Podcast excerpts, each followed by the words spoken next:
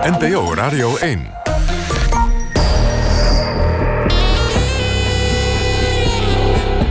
Argos. Onderzoeksjournalistiek van de VARA, Human en de VPRO.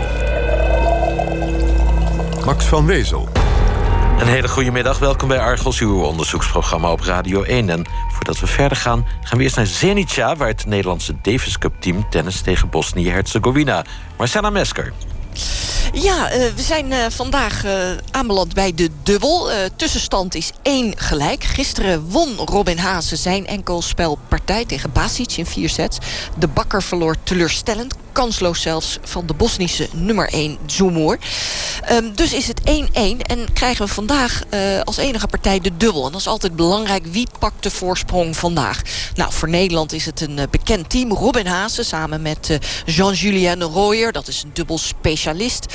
Haase, Royer, goede vrienden. Goede partners in het Davis Cup team. Dus een gerenommeerd team dat favoriet is. Maar ze spelen natuurlijk niet zomaar tegen twee jongens. Dat zijn ook jongens jongens die in de Davis Cup uh, wat vaker samen spelen. Basic en Brikic. Ja, dat zijn allemaal van die moeilijke namen. Maar ja, er wordt gespeeld in uh, Zenica. In uh, ja, een uurtje van Sarajevo. In Bosnië-Herzegovina. Dus zo'n uitwedstrijd is toch altijd lastig. En in een dubbel, zeker in een best of five... kan er van alles gebeuren. Maar wel heel belangrijk dat Hazen en Royer vandaag Nederland op voorsprong zetten. Morgen de laatste twee enkels spelen. Dan zou Robin Haase beginnen tegen de nummer 1 van Bosnië. Dus ja, zoals gebruikelijk moeten we weer hopen dat Robin Haas in goede doen is. Dat is hij. Won gisteren goed, speelde goed. Zodat hij Nederland naar een uh, eventuele promotiewedstrijd naar de wereldgroep kan loodsen. Want die zal later dit jaar worden gespeeld in september. De mannen zijn nog aan het inslaan. Het zal nog even duren, dus uh, later kom ik terug met wat tussenstanden. Ik ga vast oefenen op de namen Basic en Brikic. En ik zie je straks graag terug. Marcella Mesker. NPO Radio 1. Argos. De laatste weken zijn er artikelen verschenen, onder andere in de Volkskrant... over de invloed van het antidepressiemiddel paroxetine... ook wel bekend als Siroxat. Gebruikers kunnen agressief worden van die pilletjes. Daar waren al langer berichten over. Aan tafel Jim van Os, psychiater en hoogleraar... in de psychiatrische epidemiologie, wat een woord, in hm. Maastricht. U kunt hem ook zien op NPO Radio 1.nl. Uh, meneer Van Os, waar staat u in die discussie? Kunnen antidepressiva maken dat je gewelddadig wordt? Ja, we hebben dus uh, vorig jaar voor het ministerie van Justitie... een uitgebreid wetenschappelijk overzicht gemaakt... van factoren die bij kunnen dragen aan gewelddadige delicten. En er was dus ook een uh, signaal van antidepressiva. En eigenlijk op een manier dat je het beste kunt vergelijken... met het gebruik van een vliegtuig. De meeste vluchten van Amsterdam naar New York gaan goed geen probleem. Maar in een klein percentage van de gevallen is er sprake van een ernstig ongeluk. In het geval van vliegtuiggebruik heeft het dan te maken met uh, vooral dingen die gebeuren tijdens de landing en tijdens het opstijgen. En vaak heeft dat te maken met verkeerd gebruik van het vliegtuig. Nou, paroxetine, uh, ook wel Seroxat genoemd, hè, dat is een antidepressivum. Uh, zien we dat met name bij de opbouw daarvan en bij de afbouw daarvan het effect heeft op de menselijke psyche, de geestestoestand, zodanig dat mensen angstig kunnen worden, onrustig kunnen worden, een bewegingsdrang kunnen krijgen, maar ook impulsief en gewelddadig impulsief, kunnen ontremd kunnen raken. Zowel naar zichzelf toe gewelddadig kunnen worden, suicidaal, maar ook naar anderen toe. En uh, eigenlijk is het onderzoek daarnaar en de overzichten die zijn beter geworden. Dus we weten nu dat dat gebeurt bijvoorbeeld in uh, gezonde vrijwilligers die dit soort middelen nemen, die kunnen gewelddadig impulsief worden. En ook uh, met name adolescenten, jonge mensen, bij de opbouw en de afbouw. En wat blijkt, is dat heel vaak die middelen verkeerd gebruikt worden. Dus dat mensen uh, te snel opbouwen of te snel afbouwen... of adviezen krijgen, erbij te rinken... of te horen krijgen, neem het om de dag. Nou, in het geval van paroxetine is dat heel onverstandig... want het is een middel dat heel erg snel uit je, uit je lichaam verdwijnt. Dus als je om de dag gaat nemen... in wezen wat je dan doet, is jezelf ga je blootstellen. Ja, ga je afkicken. Enorme fluctuaties krijgen. krijg je een soort cold turkey dan. Ja, krijg je cold turkey elke dag weer als het ware. En dat brengt nou met name dat risico mee... op ontremming en impulsiviteit. En dat is voor andere antidepressiva, even ter geruststelling van de luisteraar, uh, niet zo. Nou, vooropgesteld, vooropgesteld, nou, het gaat om de groep van SSRI's waar paroxetine toe behoort. En dat zijn allemaal middelen die ingrijpen op de chemische boodschappen van de serotonine. Maar paroxetine is, is berucht omdat het met name zo snel uit het lichaam verdwijnt en je zo snel dat cold turkey effect kan krijgen. Dus vooropgesteld, het gaat vaak juist om het verkeerd gebruik van het middel. Als je goed langzaam opbouwt en goed langzaam afbouwt... bij iedereen en iedereen heel goed instrueert... en geen adviezen geeft van neem het om de dag...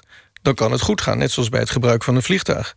Maar verkeerd gebruik kan leiden tot verkeerde uitkomsten. Dat zien we dus bij dit middel. Nou begon ik deze uitzending met wat provocerende vraag... kun je van uh, antidepressiva, paroxetine, siroxat een moordenaar worden. Ik neem aan dat dat niet elke dag gebeurt. Nee, dat is gelukkig uiterst zeldzaam. En je kan dat uh, zien als werkelijk de extreme, zeldzame extreme van uh, effecten die paroxetine kunnen hebben in de zin van angst en onrust en bewegingsdrang. En in zeer zeldzame gevallen kan dat zodanig dan in een andere constellatie van dingen leiden tot extreem gewelddadig gedrag. We hebben u vanmiddag uitgenodigd omdat er inmiddels rechtszaken zijn gevoerd waarbij de invloed van paroxetine op daders als verzachtende omstandigheid is aangevoerd. We gaan straks luisteren naar een voorbeeld van zo'n zaak. De zaak die de geschiedenis is ingegaan als de moorden in Buffalo. In 2011 was dat op de 29-jarige Renske Hekman en politieman Dick Haverman. Aanleiding daartoe, vorige week verscheen een bijzonder boek, één coupé verder, dat de dader Alassam Samari samen met Eddie Hekman, de vader van Renske, het slachtoffer schreef. Verslaggever Willem de Haan zocht Hekman op en maakte een hermontage van zijn reconstructie van de rechtszaak over de gebeurtenissen in Buffalo. Voordat we naar gaan luisteren, we spreken ook in de reportage over de moorden in Buffalo in dit geval is de juiste term eigenlijk doodslag, omdat er geen sprake was van een vooropgezet plan. En daar gaat het nou juist om in deze reportage. We gaan snel luisteren naar het verslag van Willem de Haan. Dick Haverman was gewaardeerd en geliefd. Als mens, als echtgenoot, als vader, collega en vriend. In de bloei van zijn leven weggenomen op deze brute, gewelddadige manier. Bij een schietpartij bij het treinstation in Buffalo is woensdag aan het begin van de avond een 48-jarige politieagent doodgeschoten. Een 22-jarige collega raakte gewond. Alassam S. verkeerde in een psychose toen hij in 2011 zijn vriendin en politieagent Dick Haverman in Buffalo om het leven bracht. Tot die conclusie komen twee gedragsdeskundigen die S in opdracht van een gerechtshof opnieuw hebben onderzocht. De uitkomsten van het onderzoek staan haaks op een eerder rapport van het Pieter Baan Centrum.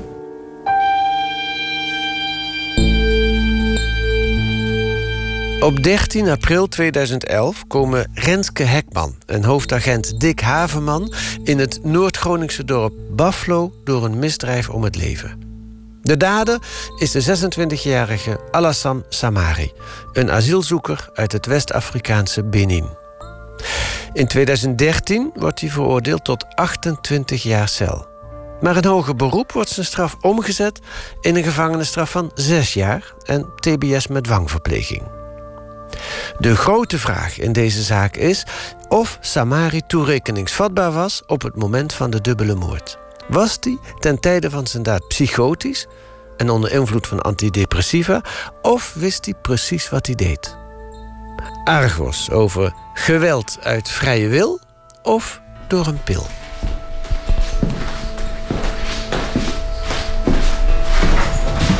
We zijn in het huis van Eddy en Lieuke Hekman, de ouders van Renske.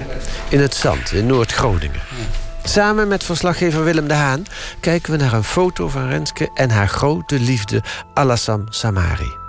Eddy Hekman vertelt waar die foto is gemaakt. Op uh, de kamer van Samari. Ja, in Groningen was dat. In Groningen, ja. ja. ja. Allebei heel vrolijk, hè? Staan ze erop? Ja, vrolijk en uh, vlak bij elkaar, hè? Dicht, uh, dicht bij elkaar. Ja. Gezichten tegen elkaar aan. En lachend allebei. Dat, die lachen zijn wel heel bepalend voor hun beiden. Renske en Alassam vormen dan nog een gelukkig stel. Een Hollandse meid met een vriend uit Benin. Renske was uh, uh, biologe. Hè? Ze werkte ook in de, in de begrijp ik, in uh, Pieterburen. Mhm. Hield van skiën. wat nog meer? Hoe zou je haar typeren? Mm. Rustig. bescheiden. Nauwkeurig, precies. Hardwerkend. Sportief. Waar hebben ze elkaar ontmoet eigenlijk? Toen ging Rens naar, naar Zwitserland voor skilerares. En in de trein zijn ze elkaar tegengekomen. Ja, hoe ging dat, weet je dat? Ja, bij toeval. Tegenover elkaar. Ze kwamen tegenover elkaar te zitten? Ja. En toen zijn ze, naar ik begreep, uh, maar gaan kletsen. En Samari heeft haar toen geholpen bij het overstappen. Omdat ze zware spullen bij zich had, zware koffers? Ja, drie koffers en uh, grote skitas. En... Die verkering die heeft ruim twee jaar geduurd, hè, geloof ik. Um, ze hadden zelfs plannen om te trouwen. Mm -hmm. Dat was het idee. Uh, wel een kleine hiccup natuurlijk, omdat uh, Samari asielzoeker was, is. Dus dat maakt het dan wel wat ingewikkelder. Want, wat, wat maakte dat ingewikkelder? Nou ja, omdat natuurlijk de asielprocedure liep... en de kans had uh, om teruggestuurd te worden. Ja, maar door een huwelijk kon die, die uitzetting misschien voorkomen worden, toch? Nee, nee. Dat niet, nee. Nee, dat zou niet geholpen hebben. Beschouwde u hem eigenlijk als uw aanstaande schoonzoon? Ja, dat was wel het plan.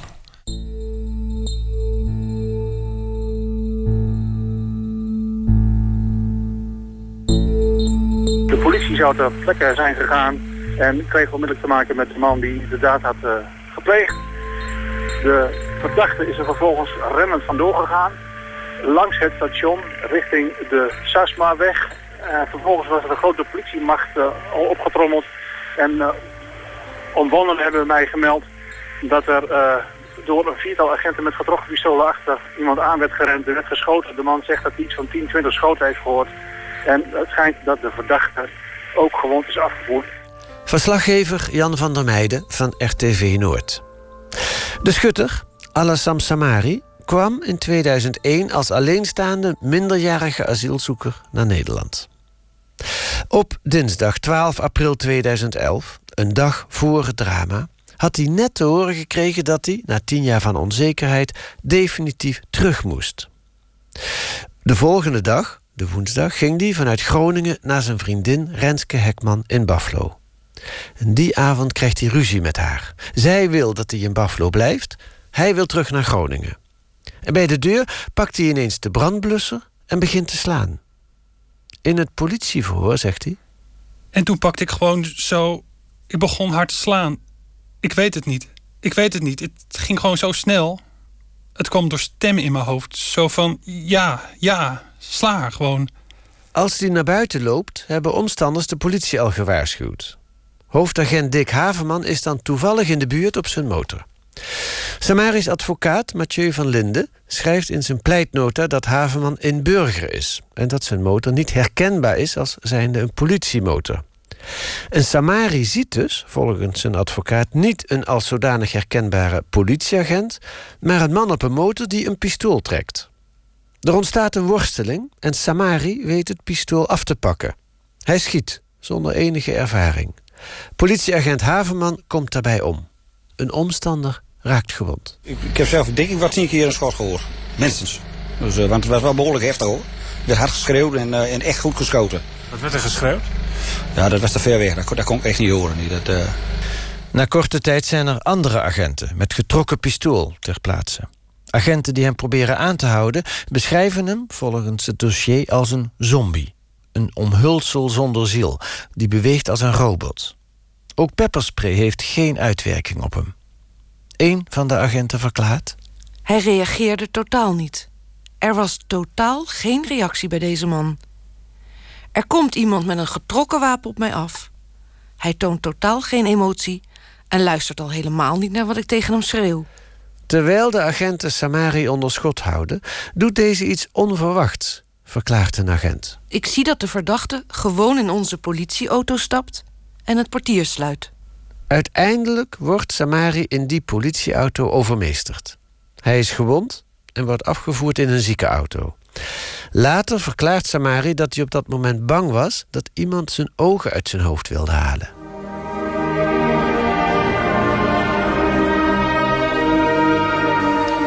Als u de televisie aanzet, u kijkt naar een uh, rechtstreekse uitzending. Rechtstreeks vanaf de Martini-kerk in de stad Groningen. Collega's uit heel Nederland zijn naar Groningen gekomen.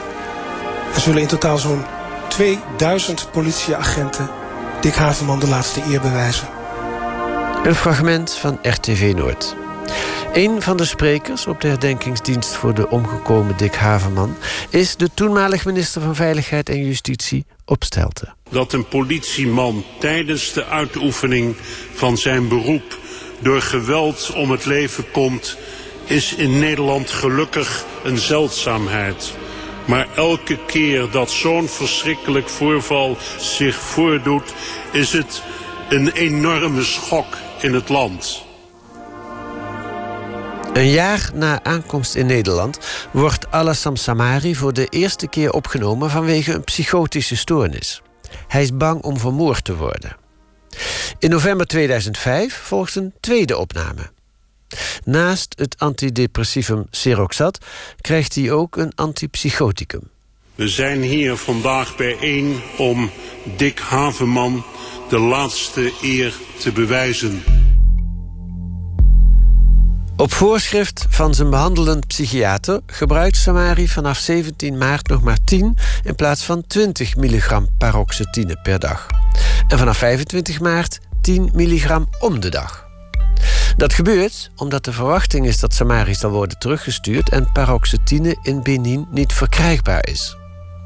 Maar op 5 april, ruim een week voor het drama, wordt hem gezegd weer 10 milligram per dag te gebruiken, want het gaat niet goed met hem. Op de fatale 13e april, de dag nadat hij heeft gehoord dat zijn vertrek definitief is, belt Samari met een verpleegkundige van de kliniek. Hij klinkt, zo lezen we in het dossier, zenuwachtig, warrig en gehaast. Hij is niet goed te volgen en haalt dingen door elkaar. Na overleg met zijn psychiater belt de verpleegkundige hem terug. De dosis moet worden verhoogd naar 20 milligram. Tegenover de politie verklaart de verpleegkundige: Ik heb toen expliciet gezegd dat hij vandaag de verhoging nog tot zich moest nemen.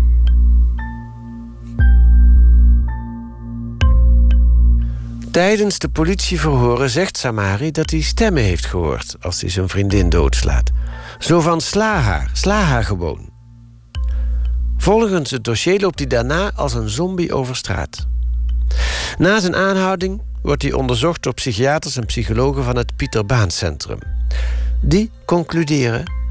De beschikbare informatie wijst niet eenduidig op een psychotisch toestandsbeeld. Op de dag van de delicten maakte hij geen psychotische indruk. Nog op de dag zelf, nog ten tijde van de delicten, nog na zijn aanhouding wordt melding gemaakt van evident als psychotisch te duiden gedrag.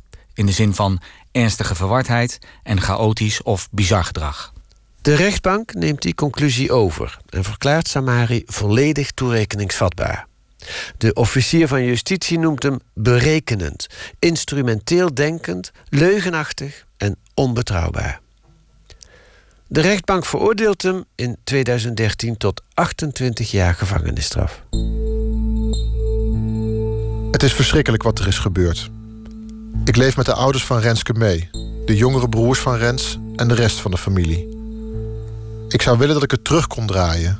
En ondanks het feit dat ik het heb overleefd, zal ik verder leven met schuldgevoel, ook al weet ik dat ik er niets aan kon doen. Sinds de gebeurtenis heb ik alleen maar nachtmerries waaruit ik vaak huilend wakker word. In een smeekgebed heb ik gevraagd of Rens mij wil vergeven voor wat ik haar heb aangedaan. Dat ze me een teken geeft, bijvoorbeeld in mijn slaap. Ik heb daarna gedroomd dat we leuke dingen aan het doen waren. We gingen zwemmen in het zwembad van Assen, zoals we wel vaker deden. Daarna gingen we wokken bij Nihau in de stad Groningen. Ik werd vrolijk wakker en toen wist ik het zeker. Mijn gebed is aanvaard. Het spijt me. Dit schrijft Samari in het net uitgekomen boek dat hij samen met de vader van Renske Hekman heeft geschreven. Het is al jaren een discussie. Kan antidepressiva aanzetten tot gewelddadig en agressief gedrag? In november deden wij hiertoe een oproep. En dat hebben we geweten. Antoinette Herzenberg van het trosprogramma Radar in februari 2010. Het programma riep gebruikers van antidepressiva op om hun ervaringen te melden. Die enquête werd ruim 11.000 keer ingevuld. En bijna 15 procent, ruim 1600 mensen, melden destructieve gedachten na gebruik van antidepressiva. Een aantal ervaringen werd in de trosuitzending voorgelezen. Ik heb in mijn leven echt nog nooit een vliegkwaad gedaan. En toch heb ik laatst tijdens het sporten iemands neus gebroken. Ik heb gewoon uitgehaald. En dat is zo erg niets voor mij. Ik heb nog nooit eerder in mijn leven zoiets gedaan. En ik, ik kan echt geen andere uitleg verzinnen... dan dat het komt door het slikken van die antidepressiva. Nou, onder invloed van Seroxat heb ik uh, mijn vrouw geslagen. Um, ik begon me roekeloos te gedragen in het verkeer. Door rood licht gereden. Uh, ik heb zelfs een keer een aanrijding uh, veroorzaakt. Nadat mijn dosis verhoogd was, heb ik uh, de volgende dag een zelfmoordpoging gedaan. Door, door mijn polsen door te snijden. Uren later werd ik pas gevonden en ik heb het op het nippertje overleefd. Ik kan mijn gedrag niet rijmen met mijn karakter. Ik denk dat ik zonder het gebruik van antidepressiva niet tot deze rigoureuze stap zou zijn gekomen. Dat antidepressiva gevaarlijk kunnen zijn, is al jarenlang bekend. Niet in de laatste plaats bij de farmaceutische bedrijven. Fameus is het verhaal van producent GlaxoSmithKline... die negatieve onderzoeksresultaten van het gebruik van paroxetine bij jongeren... jarenlang onder de pet hield. De zogenoemde Studie 329 uit 1998. In de uitzending van RADA vertelt hoogleraar wetenschapsfilosofie Trudy de daarover. In Engeland is, is, er een commissie tien jaar aan de gang geweest met het doorspitten van documenten. Om erachter te komen of je echt kunt zeggen dat er gefraudeerd is. Moedwillig achterhouden van onderzoeksuitkomsten. De conclusie was ja. I knew I was doing a bad thing, but it didn't feel any more wrong than. Ik wist dat ik iets verkeerds deed, maar het voelde niet verkeerd. Dat zegt de Amerikaan Chris Shanahan. Hij werd in 1995 veroordeeld tot levenslang wegens moord en roofovervallen. I was committed that I had to do this. I pulled the trigger and I, and I shot her in the back of the head. And I killed her. Ik moest het doen. Ik haalde de trekker over en doodde haar. Aldus Shanahan. De Deense journalist Paul Erik Heilbut maakte een documentaire onder de titel The Pill That Fooled the World. De pil die de wereld misleidde. Hij interviewde meerdere mensen die wegens moord zijn veroordeeld na gebruik van antidepressiva. What I did was done on a cocktail of legal drugs. Um, and just because something's legal doesn't mean it's safe. Ik was onder invloed van legale medicijnen. Maar dat ze legaal zijn betekent nog niet dat ze veilig zijn. Dat zegt David Crespi. Hij doodde in 2006 zijn vijfjarige tweelingdochters Tessara en Samantha. Hij werd veroordeeld tot twee maal levenslang. This was a maniac. They told me I left a knife in one of my children. Who I am was, was chemically altered. De politie vertelde me dat ik mijn kind met een mes had gestoken. Maar dat was ik niet, dat was een maniak. Ik was chemisch veranderd. Aldus Crespi. Zijn vrouw bevestigt dat. He was not of that nature. He just wasn't. We were told that that's what he needed. In totaal uh, ongeveer 15 keer dat ik uh, als getuigendeskundige voor de rechtbank ben verschenen, waarbij mijn advies is uh, gevraagd. Anton Lone is arts, klinisch farmacoloog en hoogleraar aan de Rijksuniversiteit Groningen.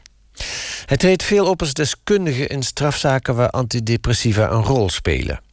Deze middelen, zegt Lone, prikkelen het stresssysteem in de hersenen om dat systeem daarmee weerbaarder te maken tegen heftige gevoelens. Maar in de opbouwfase gebeurt juist het tegenovergestelde. Je hebt in de beginperiode ook dat die angst toeneemt en dat mensen dus die angst en, en agitatie erin resulteert dat mensen echt agressief worden. Dus op het moment dat jij gesneden wordt door een auto, dan kunnen helemaal de stoppen doorslaan. En dan kun je daar uh, verschrikkelijk agressief op reageren. Ja, u zegt dat een kleine aanleiding kan dan voldoende zijn om te exploderen. Ja, Precies, en dus een kleine aanleiding is voldoende om helemaal uh, uit je dak te gaan. Als u dat zo beschrijft, dan zou je zeggen dat is niet zo'n handige pil eigenlijk. Nou, dat is wel een handige pil. Want ik ben er absoluut van overtuigd dat dit zeldzaam is dat het zo uh, uit de hand loopt. Merkwaardig genoeg, zegt Lone, treedt dit effect vooral op bij mensen met een juist rustig karakter. Je zou kunnen denken dat het vooral mensen zijn waar je het niet van verwacht, die zo agressief reageren. Ja, dat betekent dat u zegt dat in principe een gezond persoon... die normaal gesproken rustig functioneert, een rustig karakter heeft... door het gebruik van SSRI's in bijzondere gevallen opeens uh, ja, knettergek kan worden... en een moord kan plegen. Exact. SSRI's, de tweede generatie antidepressiva. Bijvoorbeeld paroxetine. Die middelen kunnen dus desastreus uitwerken. En dat kan ook gebeurd zijn in de zaak van Samari. Lonen trad daarin op als getuigendeskundige. Hij vindt het heel waarschijnlijk dat het drama in Buffalo niet had plaatsgevonden wanneer Samari geen paroxetine had gebruikt. Op de zitting schat hij die kans op twee derde. Dat staat haaks op de conclusies van het Pieter Baan Centrum. Dat schoof de medicatie al heel snel als mogelijke oorzaak aan de kant, zegt Lone. Daar hebben ze wel uitspraken over gedaan. Maar met ja, eigenlijk ook weer vanuit de algemene redenatie van wij kunnen niet aantonen dat het een rol gespeeld heeft, dus heeft het geen rol gespeeld. En dat is eigenlijk een houding die je overal in de rechtspraak tegenkomt. Ook in het vonnis van de rechtbank Groningen is die manier van redeneren terug te vinden. Of er daadwerkelijk invloed is geweest van de afbouw van paroxetine op de stabiliteit van verdachten, kunnen de deskundigen niet zeggen. Onder deze omstandigheid kan de rechtbank dan ook geen rekening houden met de theoretisch mogelijke gevolgen van de afbouw van paroxetine.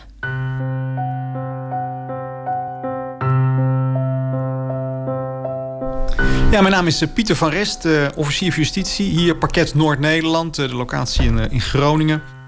In het voorjaar van 2014 dienden in het noorden meerdere rechtszaken... waarbij SSRI's mogelijk een rol speelden. In Assen stond een vrouw terecht die haar kind doodde.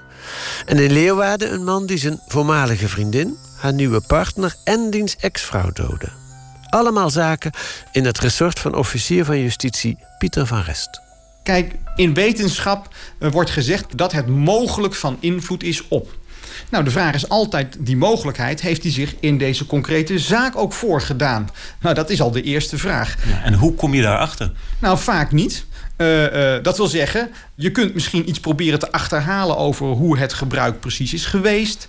Wat voor een type uh, meneer of mevrouw dit is. Heeft zich dit al eerder voor gedaan? Je kunt eens kijken naar zijn verleden. Maar het, zoals gezegd, het is vaak niet een op zichzelf staande factor. Vaak gaat het ook om mensen die andere stoornissen hebben. Andere bijvoorbeeld agressieproblemen hebben.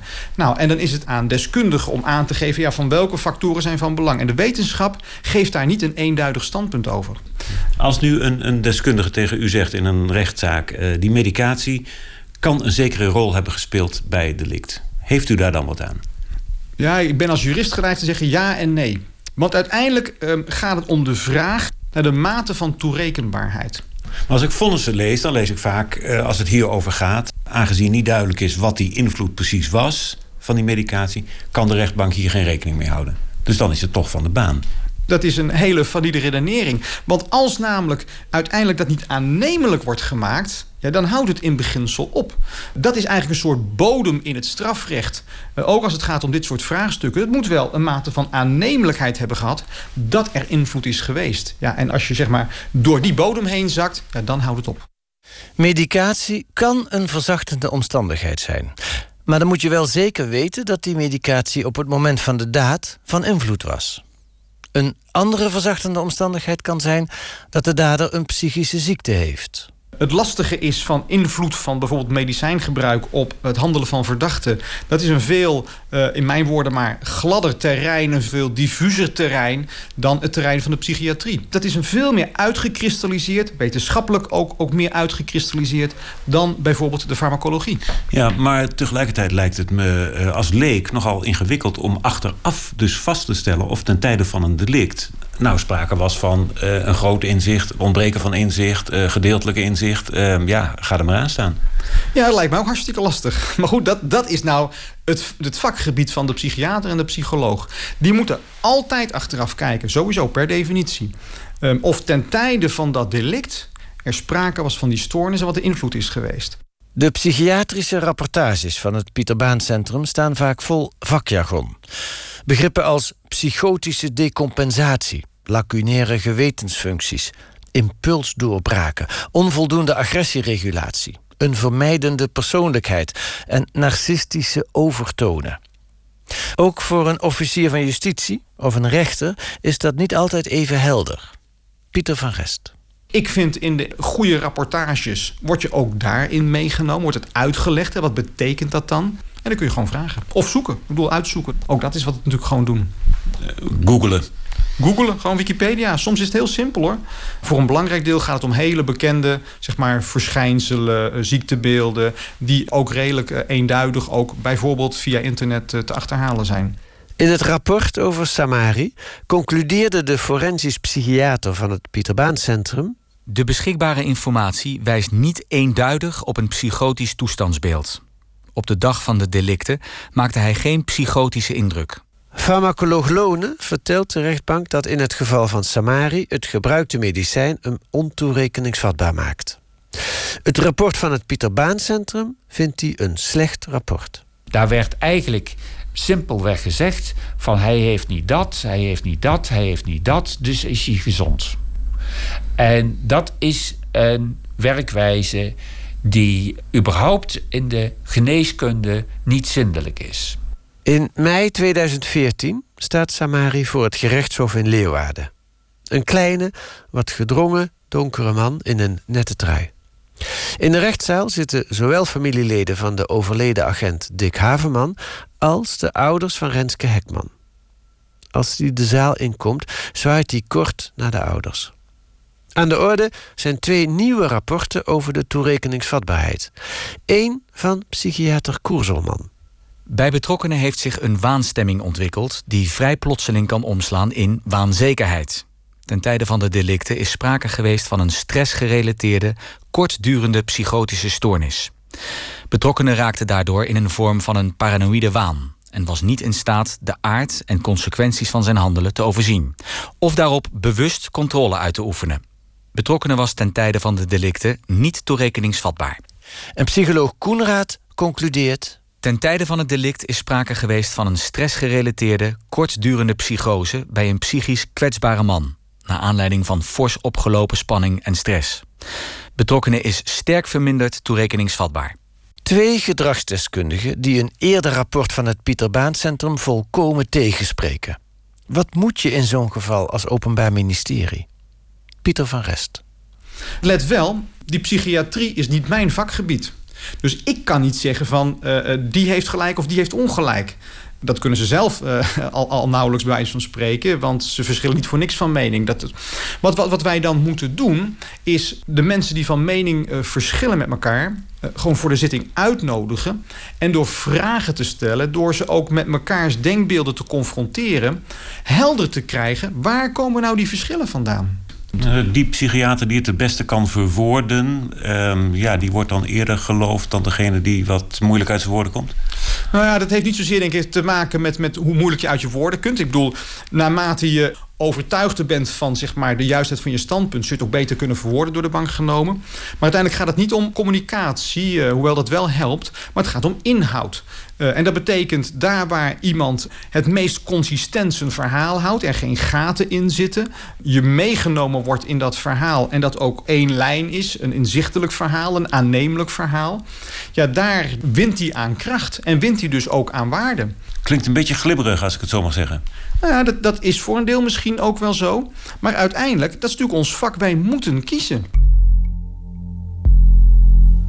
Het Hof doet eind 2014 uitspraak.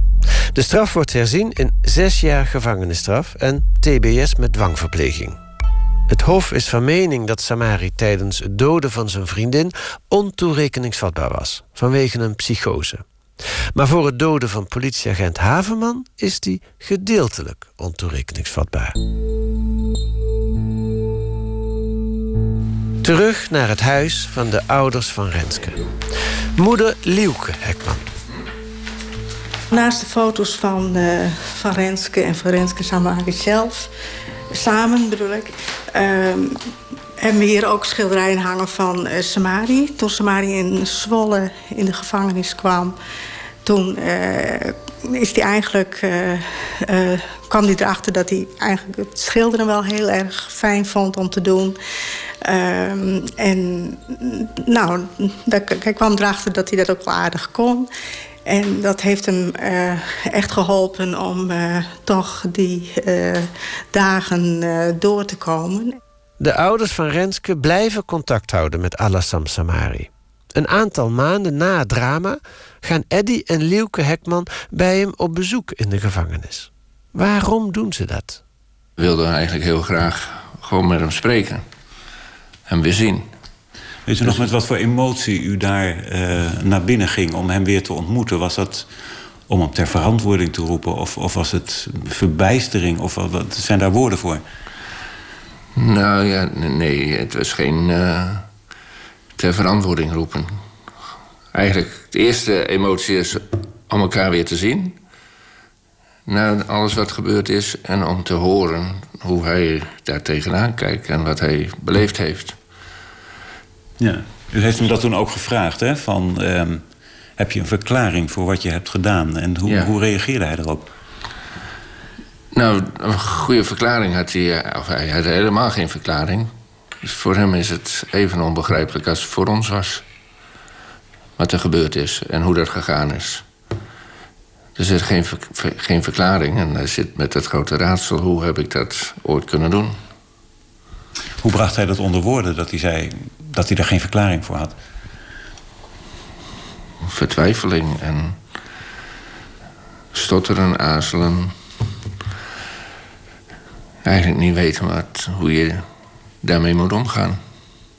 Ja. Had hij ook iets van excuses? Of, of hoe, hoe kon hij eh, jullie weer in de ogen zien? Ja, enorm, eh, enorme spijt.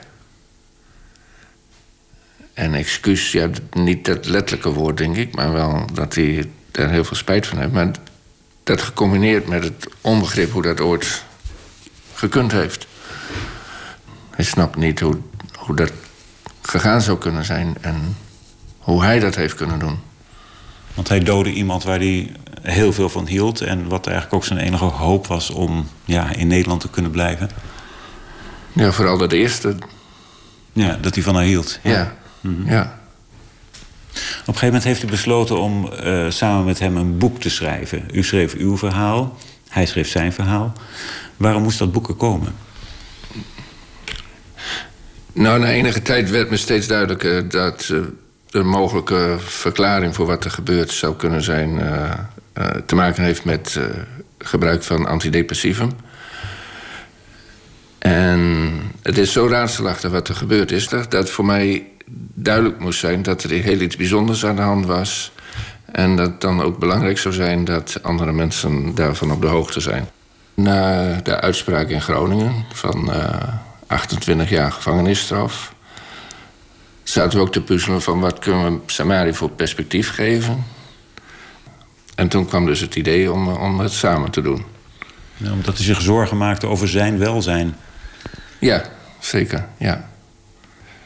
Dus en ja, dacht, als ik, hem, als ik hem het perspectief geef van schrijf samen met mij dat boek... dan eh, denkt hij in ieder geval even ergens anders aan misschien. Nou ja, voor een deel. Veel mensen zullen dat bijzonder vinden... dat u zich zo ehm, bekommert dan om zijn lot. Ja, ik kan me wel voorstellen, maar ja, wat u net ook zei, van aanstaande schoonzoon, dat is toch een bijzondere relatie met een bijzondere verantwoordelijkheid. En daar vloeit dit dan uit voort.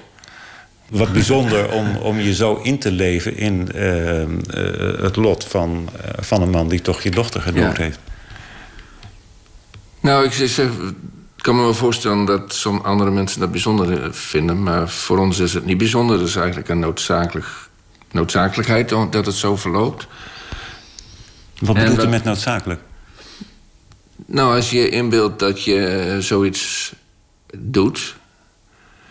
En dat de belangrijkste verklaring is dat eh, die antidepressiva daar een grote rol bij spelen.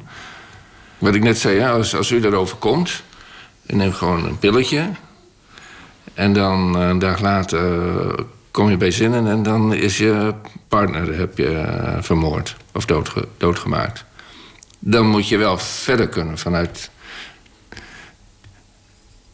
dus als je daar in die situatie verplaatst, of in, in- daarin verplaatst, dan zie je ook hoe verschrikkelijk voor hem is. Het Hof heeft in hoger beroep vastgesteld dat Samari ten tijde van het doden van zijn vriendin niet toerekeningsvatbaar was. Wel gedeeltelijk voor de moord op de politieagent. Wat vindt Eddie Hekman van dat oordeel van het Hof? Voor mij stond het eigenlijk wel vast. Maar voor de buitenwereld en voor eh, beeldvorming over ons is het denk ik wel heel erg belangrijk. Dus nu, als je nu eh, ook weer een beetje kort door de bocht, dan is geformaliseerd dat hij niet verantwoordelijk was voor de dood van Renske. Dus dat is voor ons een geruststelling in onze omgeving dat we nog niet zo raar bezig zijn. Raar bezig? Nou, in de zin dat we contact met hem hebben of dat samen een boek schrijven. Of... Dus in die zin is het denk ik wel heel belangrijk dat die uitspraak er is. Vier weken geleden zijn de ouders van Renske nog bij Samari langs geweest. Het gaat naar omstandigheden goed met hem. Zijn gevangenisstraf zit erop. Nu wacht hij op het begin van zijn TBS-behandeling. Uw vrouw zei de vorige keer, we begroeten hem als, als onze eigen kinderen. Nou, voor Lieuwtje geldt dat misschien wat meer nog als voor mij.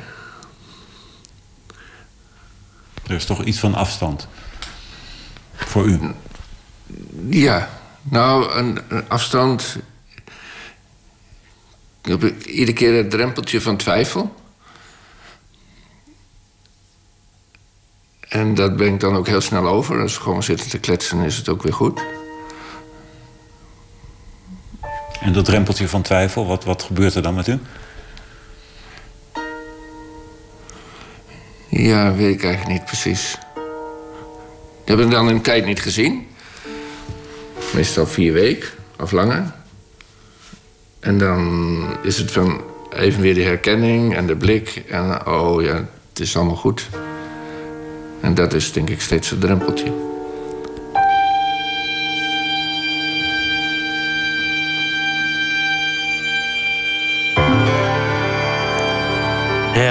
Fijn al die experts die elkaar tegenspreken. Een uitgebreid interview met Eddie Hekman vindt u ook in de Volkskrant van vandaag. En u hoort een reportage van Willem de Haan, Sanne Boer en Kees van der Bos. De techniek was in handen van Alfred Koster en de muziek werd gecomponeerd door Dorina Kamsma. Hoe zou het ondertussen staan met Basic, Brikic en al die andere spelers in Senica? Marcella Mesker. Ja, het eh, gaat goed met het Nederlands team, kan ik je melden. Want Robin Hazen en Jean-Julien Royer hebben ja, vrij makkelijk die eerste set gewonnen. Eén servicebreak eh, bleek voldoende voor de setwinst 6-3. Maar eigenlijk zijn de krachtsverhoudingen groter. Want als het Nederlands team dan vijf keer serveert in die eerste set... dan pakken ze daar drie keer een love game van. Dus zijn niet in de problemen geweest... en maken het die Bosniërs op hun service wel lastig. Dus een uitstekende start, niks spectaculairs... maar gewoon heel solide, heel keurig eh, staat Nederland nu eh, met één set voor. Het is een best of five, dus je weet, eh, er moeten nog minstens twee sets gewonnen worden. Maar dit is natuurlijk een prima start voor Hazen en Royer. En we weten natuurlijk dat Royer, ja, die is eh, eh, 35 jaar. Die is een oud Wimbledon kampioen, voormalig nummer 1 van de wereld bij het dubbelspel. Is misschien nu wat teruggevallen, maar hele ervaren en goede jongen met een positieve instelling. Nou ja, Robin Hazen is een uitstekende tennisser. Dus dat klikt, die twee. En ik zie ze het ook wel winnen. Maar goed, misschien ben ik te voorbarig. Voorlopig gaat het goed. Set 1 is gewonnen door Nederland met 6-3. En we zitten aan het begin van de tweede set. Het klinkt goed, Marcella. Ja. NPO Radio 1. Argos. Ja, u hoorde het in de reportage. De 28 jaar die aanvankelijk tegen Samari werd geëist... werd door het Hof teruggebracht tot zes jaar gevangenisstraf... en tbs met dwangverpleging omdat het Hof vond dat hij gedeeltelijk ontoerekeningsvatbaar was door een psychose. Nou kan TBS ook lang duren, maar goed, het was ergens een verlichting van het vonnis. Ik praat door met onze expert, hoogleraar psychiatrische epidemiologie in Maastricht en psychiater Jim van Os. Welkom terug, meneer Van Os.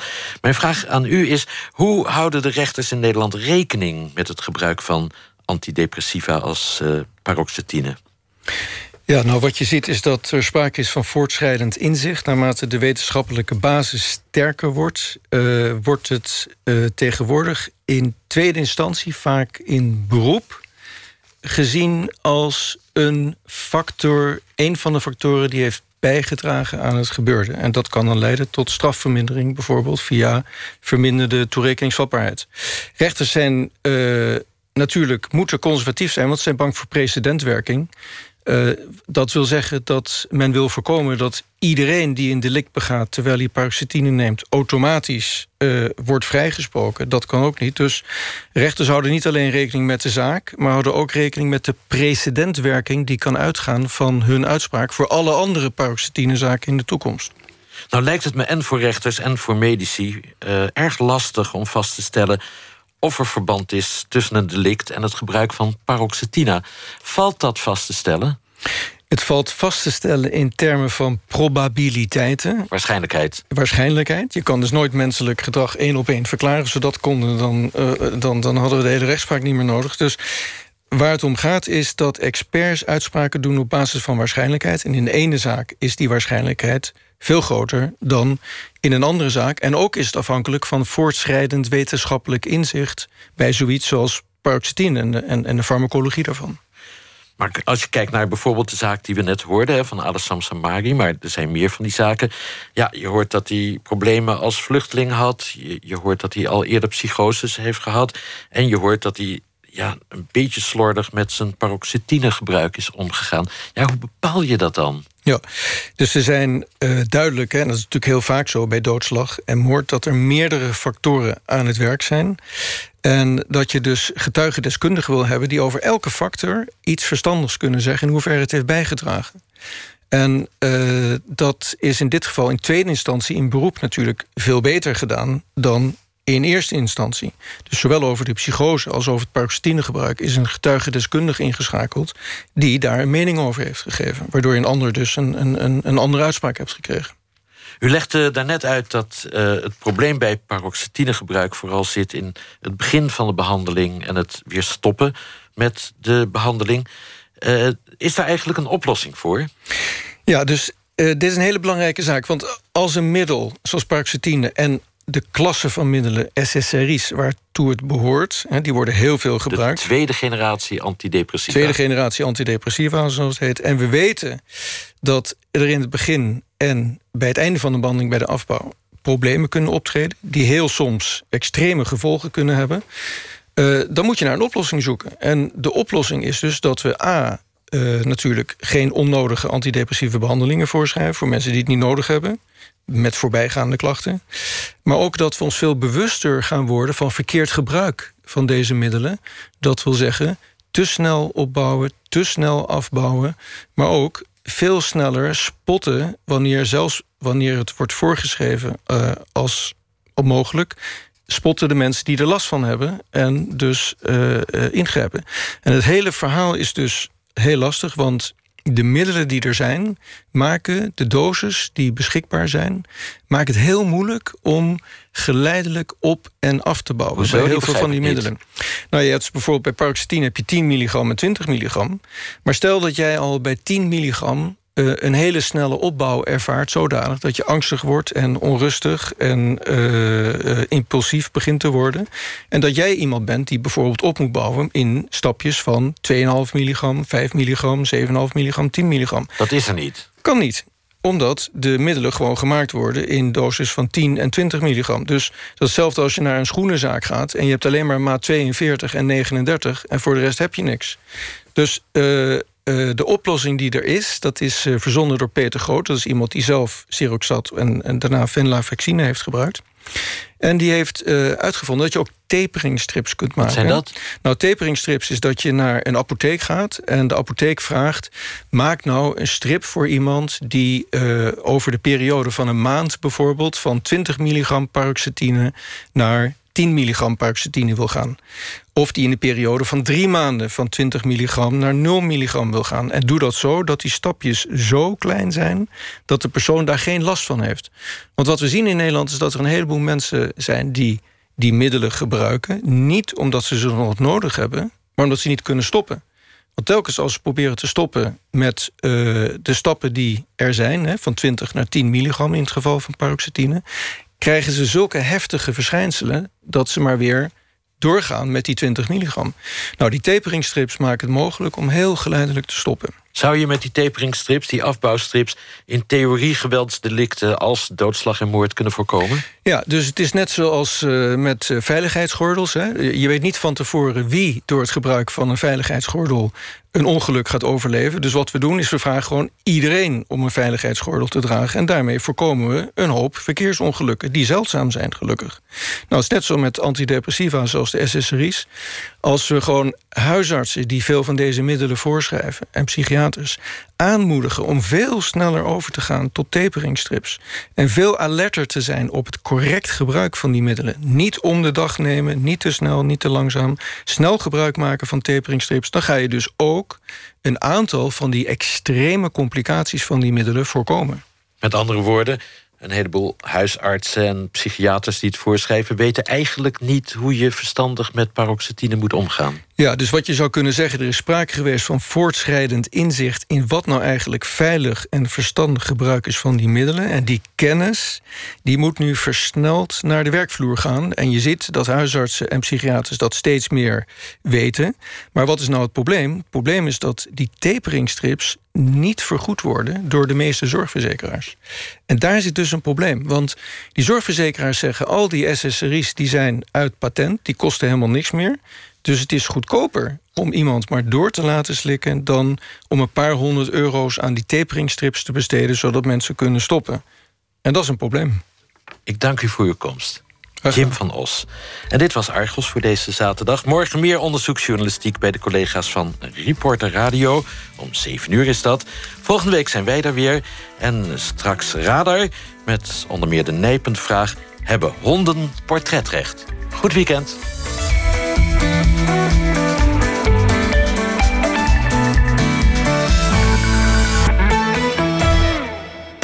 NPO Radio 1. Je ziet hem zelden, maar hoort hem des te beter. De Settische zanger. Flip van Doorn schreef het boek De Eerste Wandelaar... over de opkomst van het wandeltoerisme. Het verrukkend en verkwikkend gevoel van vrijheid... om te lopen waar gij wilt. De halsbandparkiet. Na de grote steden verovert hij nu ook de buitengebieden. En verder in de uitzending 191 soorten bramen. En we hebben contact met klimaatjournalist Bernice Notenboom vanaf de Noordpool. Morgen van 7 tot 10, Vroege Vogels. Op NPO Radio 1, het nieuws van alle kanten. In 2016, toen gingen de kinderen het huis uit. Ja, en Herman hopte zo achteraan. Sindsdien is het altijd me-time. Of uw situatie vorig jaar nou veranderd is of niet... Kijk goed of uw aangifte volledig is. Want ook al hebben wij zoveel mogelijk ingevuld... bij de Belastingdienst kunnen we niet alles weten. Vul uw aangifte dus zelf aan. De aangifte-checklist helpt u daarbij. Kijk op belastingdienst.nl slash aangifte.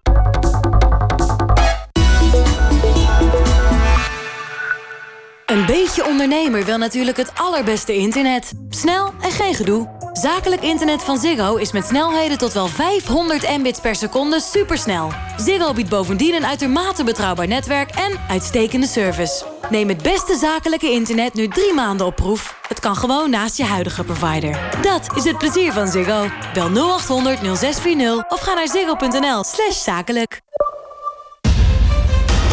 Te veel luxe bestaat niet. Tenminste, niet in de wereld van Lexus. Je profiteert nu van een kosteloze luxe upgrade. Zo koop je economy class, maar je krijgt business class. Kijk op lexus.nl of bezoek de dealer. Lexus. Experience amazing. Zakelijk internet van Ziggo drie maanden gratis op proef. Kan naast je huidige verbinding en je beslist later of je overstapt. Bel 0800 0640 of ga naar ziggo.nl zakelijk. BTW-vrije dagen bij Carpetride. Carpetride betaalt voor u de BTW op laminaat, tapijt, vinyl, PVC, vloerkleden en gordijnen. Kom snel langs, want deze BTW-actie eindigt dit weekend. Carpetride, de vloerenspecialist. Is op niets uitgelopen. Drama zet zich voort op de beurs. Doemdenkers zijn er genoeg. Sensatie is snel bereikt. Verder weg dan ooit. Maar wat schieten we daarmee op? Bij Trouw geloven we dat de samenleving meer baat heeft bij een ander geluid. Want wat er in de wereld gebeurt, hebben we als krant niet in de hand. Hoe het gebracht wordt, gelukkig wel. Probeer Trouw nu met vernieuwde site en magazine twee weken gratis. Ga naar trouw.nl slash vernieuwd.